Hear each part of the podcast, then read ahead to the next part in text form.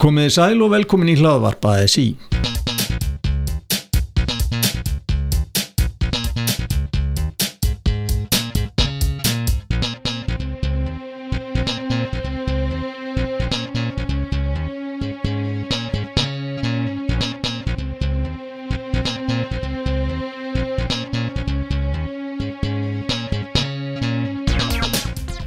Gestur þáttarins að þessu sinni kemur að Norðan. Hann heitir Eidur Stefansson og er formaður félags verslunar og skrifstofufólks á Akureyri. Skömmu áður en Eidur hóf afskipti að verkalýsmálum um aldamótin taldi hann stjættarfélug óþörf og að það ætti að leggja þau niður. Velkomin Eidur. Takk fyrir það. Akkur varstu þessar skoðunar og, og, og hvað breyti henni? Gerir ráðferði að þessi skoðun hafi breyst?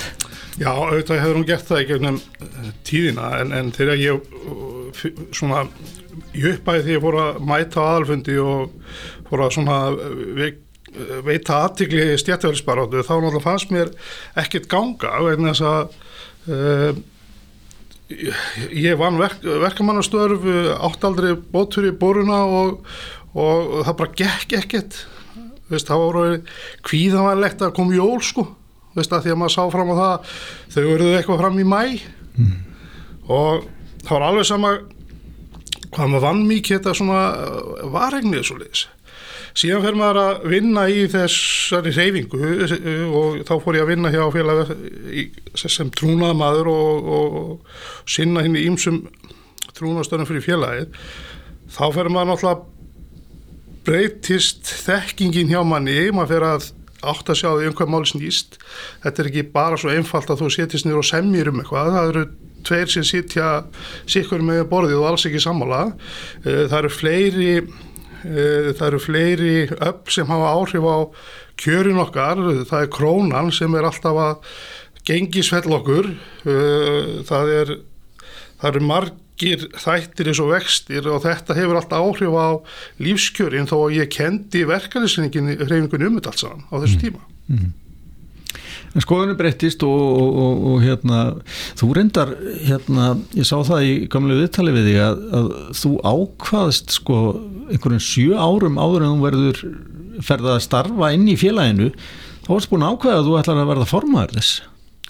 Já sko ég sagði við félagin mína eftir fyrsta aðalfundi sem ég fór á að ég hlýtt að geta gert þetta líka ef að, ef að þessir einstaklingar með fullir virðing fyrir þeim sem voru þar og voru í, stóðu þar í fórstu að þá hlýtt ég að geta gert þetta og ég vildi bara sanna fyrir sjálfuð mér að ég hefði þá eitthvað erindi hann inn og hefði þá tilgang og síðan bara axlaðist þetta þannig. Ég hugsaði svo ekki mikið meir um það fyrir en að þegar ég verð formaður að félagið minn pikkar í mig og segja herðu, veistu mannstu hvað að segja mér Skemmtilega að sagja, en hérna við skulum skrúa hérna, eða fara aðeins aftar í tíman og hérna að þér, þú ert fættur og uppalinn og akkurir, Hver, hvernig ert fættur? Ég er fættur 1965 mm -hmm.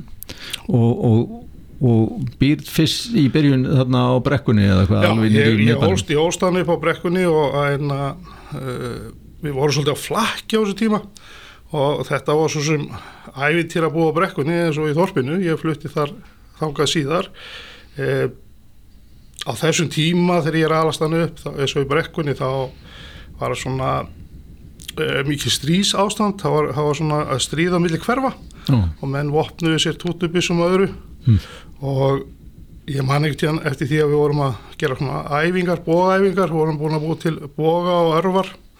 Og svo hafði ég séð það í einhverjum mynd að það var einhver sem stilti sér upp og einhver gúrkamind stilti sig upp og setti eppli á hausin á sig og svo var skotinu ör til þess að kljúa epplið og ég samfæri félagið minn hann á tímabili að prófa þetta og ég stilti honum upp og setti eppli á hausin á hann og skaut úr bóðanum en mm. það vildi nú ekki sem betur sem betur fyrir en fór ítla ég skaut í allir tánum örinn stóð þar í rétt við hliðan á auðanu og ég var svona eftir og ekki afskaplað fegin að hafa ekki teki bara sjónin á honum mm. en þarna vorum við að, að ströngum æfingum að opna okkur upp fyrir styrjaldir hverfisins og kaldastriði bara, var bara lítið með að við ástandi þarna í hverfinu mm síðan flytt ég þarna út í Þorpið eh, Þá ertu komin í hitliði þá var ég komin í hitlið og þá þurfti ég með þess að skipta um félagslið þannig að það var ekki eftir að vera í ká og búið í þorpinu sko. En ég flytt hann inn í blokk uh, verkamannabústæði sem að það en að voru að vera, vera að reysa út um allt á þessu tíma kringum 73, 45 eitthvað leys og við flyttjum í blokk sem eru svona sjö íbúðir og, og ég myndi giska á að það hefur verið svona 27 krakkar úlingar í þessum sjö íbúðum. Þetta var gríðarlega mikil fjöldi á fólki þannig mm. pluss fullar á fólki þannig að þetta verið svona 30-40 manns. Mikið fjör þá vantarlega með allan hann krakka skara þetta var bara félagsmyndstöð út á gangi sko.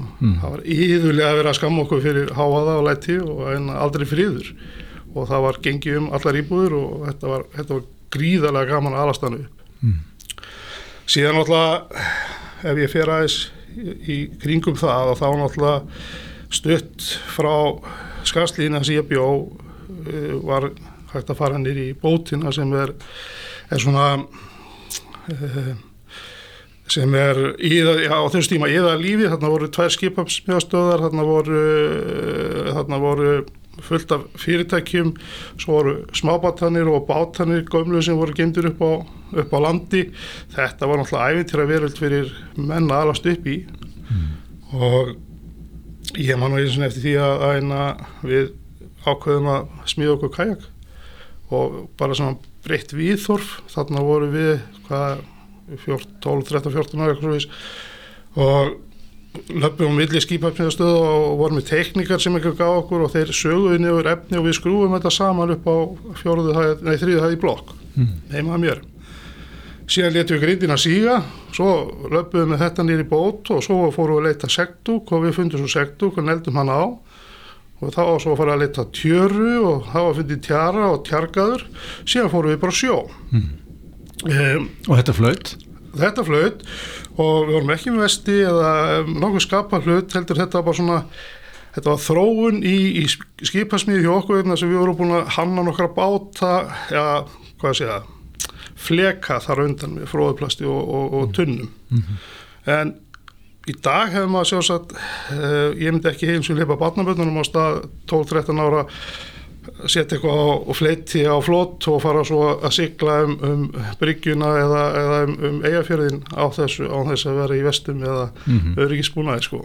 En þetta þótti bara allt í leið á þessum tíma. Lýstu aðeins eh, tíðarandanum á Akureyri á þessum tíma? Þú ert auðvitað búin að fara í svona eh, þessa barnamenningu eða strákamenningu sem að er, var þarna.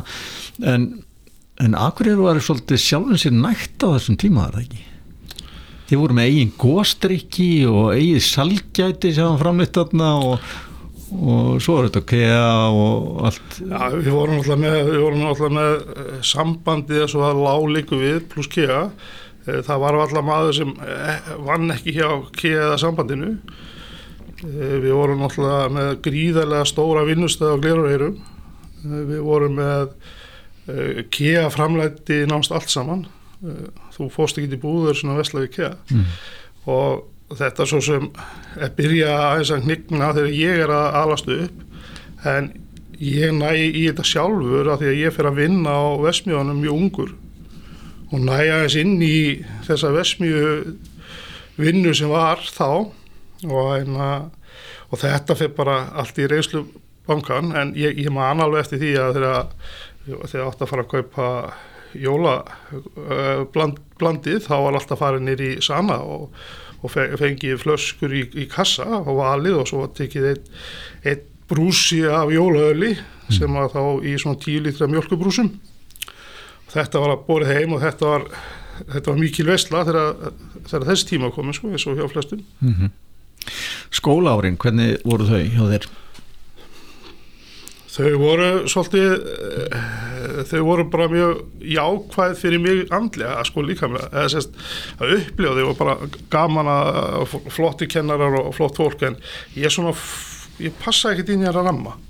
Ég veginn uh, var ekki að ná að einbytta mér að lærdómnum og, og var svona alltaf einhvern veginn á hlýðalínunni í skólanum sko.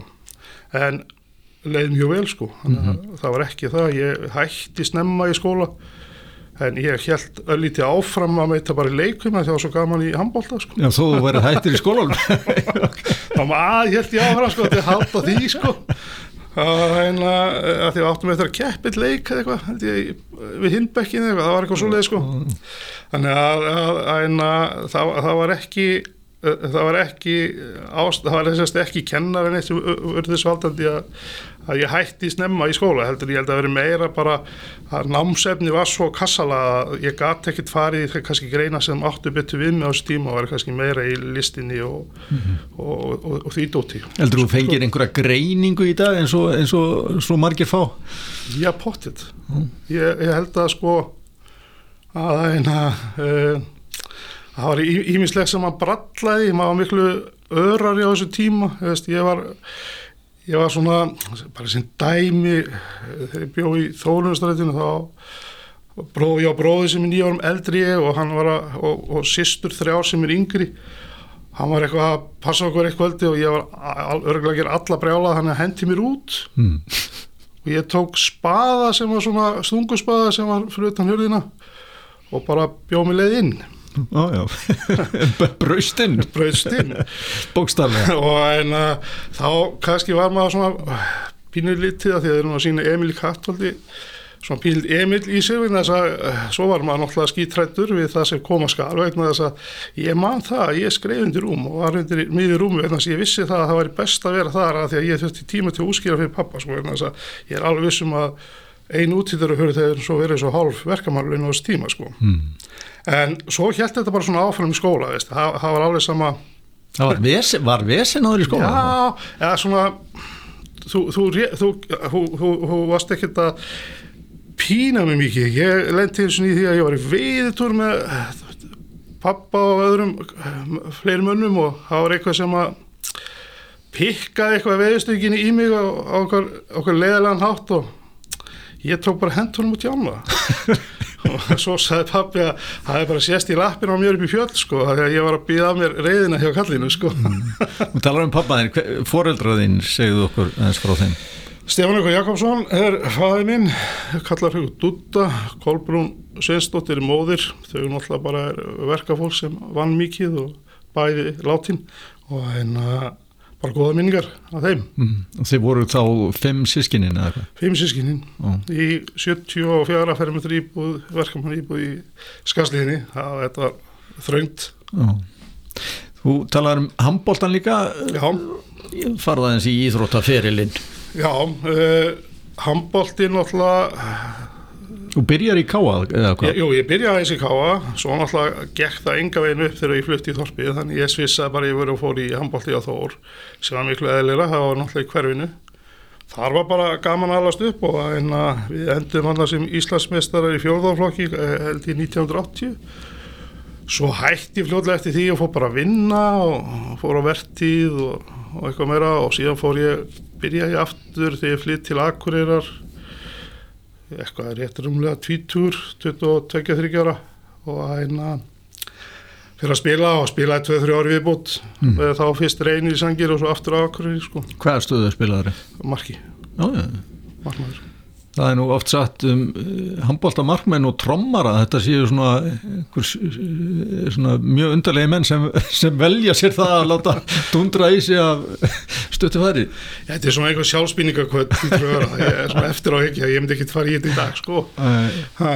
en, en þetta var bara á hluta heilt og þetta var rosalega spennandi og Já, og þetta íþrótt, þú fjækst útrást þar og... Al, algjörlega, þetta var náttúrulega bara frábært og svo tók náttúrulega bara gólfið við. Já, þú ert þar í dag. Já, ég er eiginlega bara forfallin sko. Ég er bara bátt Lýstu því aðeins. Ég er eiginlega að spila gólf eiginlega hverju deg og ég spila gólf þrísvar í viku á vituna sko í hermum. Já. þannig að það Þá vantarlega með lága forgjöf eða hvað? Mm, ekki, sko getan með ástundun er ekki alveg, fer ekki alveg saman sko, en, en, en jújú, jú, ég minn í forgjöf og ég kom sex eitthvað og þetta, þetta er allt í rétt átt Þannig býst það gott Já, já, þetta er, þetta er bara rosa gaman og góð aðfrýing mm -hmm. að spila golf mm -hmm. og sérstaklega getur að spila allt árið Fjölskyldaðinn í dag Já, og, við, ég og konar við erum búin að vera saman hvað í 37 ára og við eigum, við eigum þrjú börn, hún átti eitt strák fyrir elvar og svo eigum við Berglindu og Telmu. Og svo eigum við fimm barnaböld þannig að við erum mjög heppin. Þið eru mjög rík. Já, við vorum mjög snemma af og amma Byrjuðu þið snemma eignast börn þá? Sko, hún átti badd fyrir, þá var hún eh, rétt millir 16 og 17 ára þegar mm. við kynumst um 19 ára, byrjuðum saman þá. Mm. Þannig já, hann má segja að við hefum átt börnin stemma. Eh, ég held að ég hef verið sko, hvað, 30 og 35 ára þegar eh, eina elvar eignar sitt fyrsta barn, Já. Ég, ég, ég hef nú sagt það í gríni að ég fór þá mjög snemma að sofa. Veist, það er ekkert sem að þú blæst út neitt Nei. með að félagana. Það var sem betur ekki mikið á Facebook á þessu tíma. Að maður svona held þessu bara innan fjölskyldur. En þú ert stór- nafið 35 ára, það er... Já, ég segi það. það, Já. það ja, þannig að það er, það, það er mjög ungt sko. Já, En við erum mjög heppin. Þau búa öll í kringum okkur og við, við, njóti samveru stunda með þeim. Bönnum og vatnabönnum. En eh, svona vinnuferillin þar til að þú ferð að vinna hjá FVF SA eh, þú ert búin að tala um verkamannavinnu hvernig var þetta svo í framhaldi á því Já, ég þú varst á flugverðunum eitthvað það er ekki Jú, ég, ég byrja svona, uh, ég var svolítið að rokka þarna milli, ég verð fyrir að vinna hjá Samver og Eifiska sjóarpinu og verð hljóðmaður þar. Það var mikið aðeins til, ég var þar held ég í tvö, tvö og hálft ár.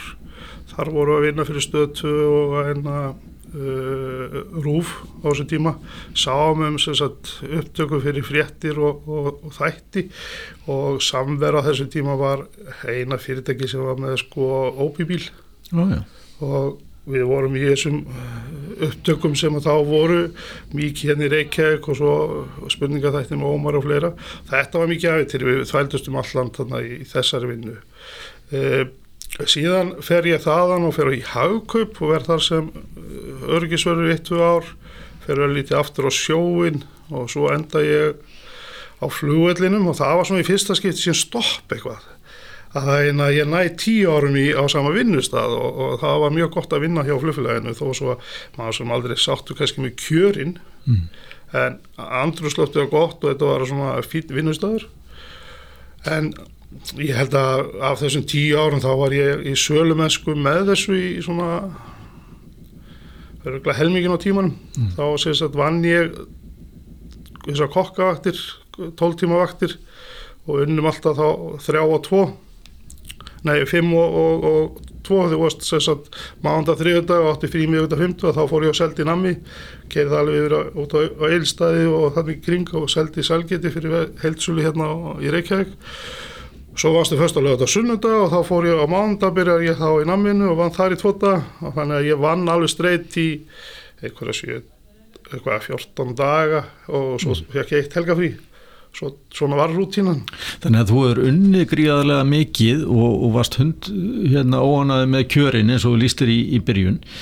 Eh, Hvað verður til þess að þú ferð þarna á aðalfund eh, hérna eh, félags Vestlun og skrifstofufólks á Akureyri 1999 og ákveður bara, herðu já, ég ætla að verða formaður í þessu félagi. Ég, ég veit það ekki, ég held þetta bara bara þetta þú, þú, þú bara varst að vinna við það var að segja bara lélu kjör. Mm. þú bara vildir virkilega gera ykkur breytingar. Og, og fyrir þetta það er alltaf ég hafi mjög mikið áhuga á þessum málefnum.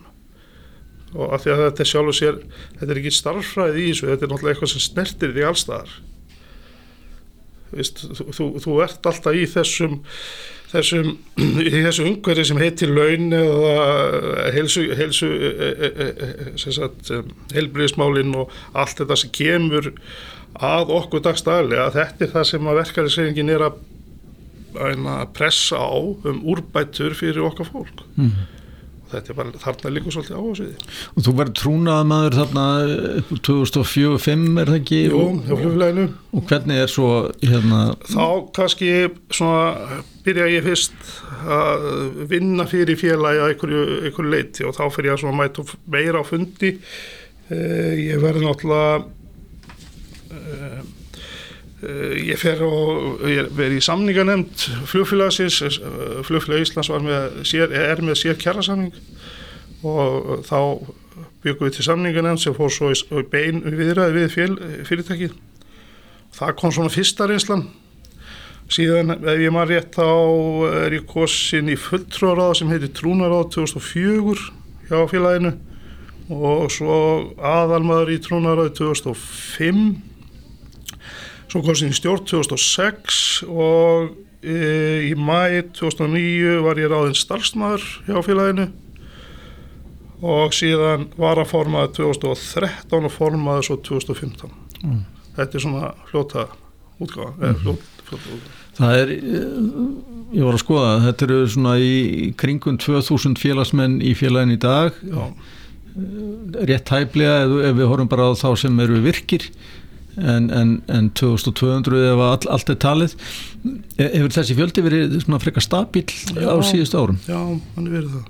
Mm -hmm það rokkar ekki mikið en það, það, það er svona það fækkar í vestlunum að vest, vestlunum fjölgar kannski á móti Ó. þannig að við erum svona ef við tökum það og svo hafa náttúrulega fleiri geirar bæst við, við erum náttúrulega með félag sem er orðið við erum með endurskoðandur við erum með háskólamenta mikið háskólamentaði fólki Ó. í félaginu þannig að félagi hefur náttúrulega vikað út langt, fyrir, út, langt út fyrir það að vera bara einblýtt á þenn almenna skrifstofun mm -hmm. miklu... En hvernig er hlutfalli milli, milli skrifstofufólksins og, og svo vestlunar fólksins?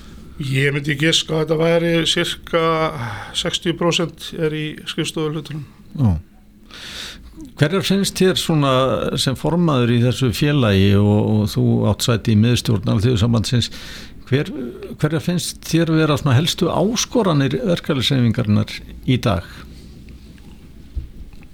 Ég held að síðan standum vörðum það sem við nú þegar hefum áinni okkur. Ég held að framtíðin verður bara um það að tryggja áframhaldandi þau réttindi sem við höfum. Mm. Ég, negin, ég, giss, ég sagt, spáði því og er ekki verið mjög spámar í það að fyrir svona 2-3 árum að það, það var strax svona mín tilfinning að við munum verið í einhverjum fætt Varnar baráttu Varnar baráttu um þau kjör sem við höfum. Við erum að Ísland er að að sjá, það er að koma meira aðþjóða fyrirtækjum inn. Við erum alltaf erfiðar og erfiðar með að halda í þá og vinnum menningu eða, sem við höfum hér samtöku aðtunlýsis eru að reyna að brjóta þetta niður líka þannig að ég held að það verði staðista áskurður næstu árin og ára týna vantala að reyna að halda í við höfum. Mm -hmm. Verður þú var við það að, að fólk sem að vinnur í, í þínum geira eða, eða, eða skrifstofustörfi eða í vestlunum að þegar það ræður sér vinnu að því sé bara beinleginins rálegt að, að vera ekki stjættafélagi? Það hefur hýrt aðeins af þessu hér á höfuborgarsvæðinu? Ég, ég heyri reyndar ekki mikið af því þannig. Ég heyri meira af því að þú átt bara að velja að stjættafélagi. Já að þeim er eiginlega, þeir, svona meira íta fólk í að vera bara allstar mm -hmm. þó svo að þú sért alltaf að fá laun samkvæmt einhver kjærsamningi að, að þeir svona íta er í það að, að þú mátt bara vera í hvaða stjættafél sem það skiptir engum máli hvað er. Mm -hmm. Þú talar um að þetta verði varna bara átta en, en, en eh, ef við kemumst í sók hvar myndir við vilja sækja fram? Hvað finnst þér að hérna, þínir skjólstæðingar þurfi að, að, að hérna, ávinna sér frekar í réttindi eða, eða sterkar í stöðu? Sko það er þessi takstakaupi okkar sem er svo gríðar að láta að getur ekki lífa á þessu.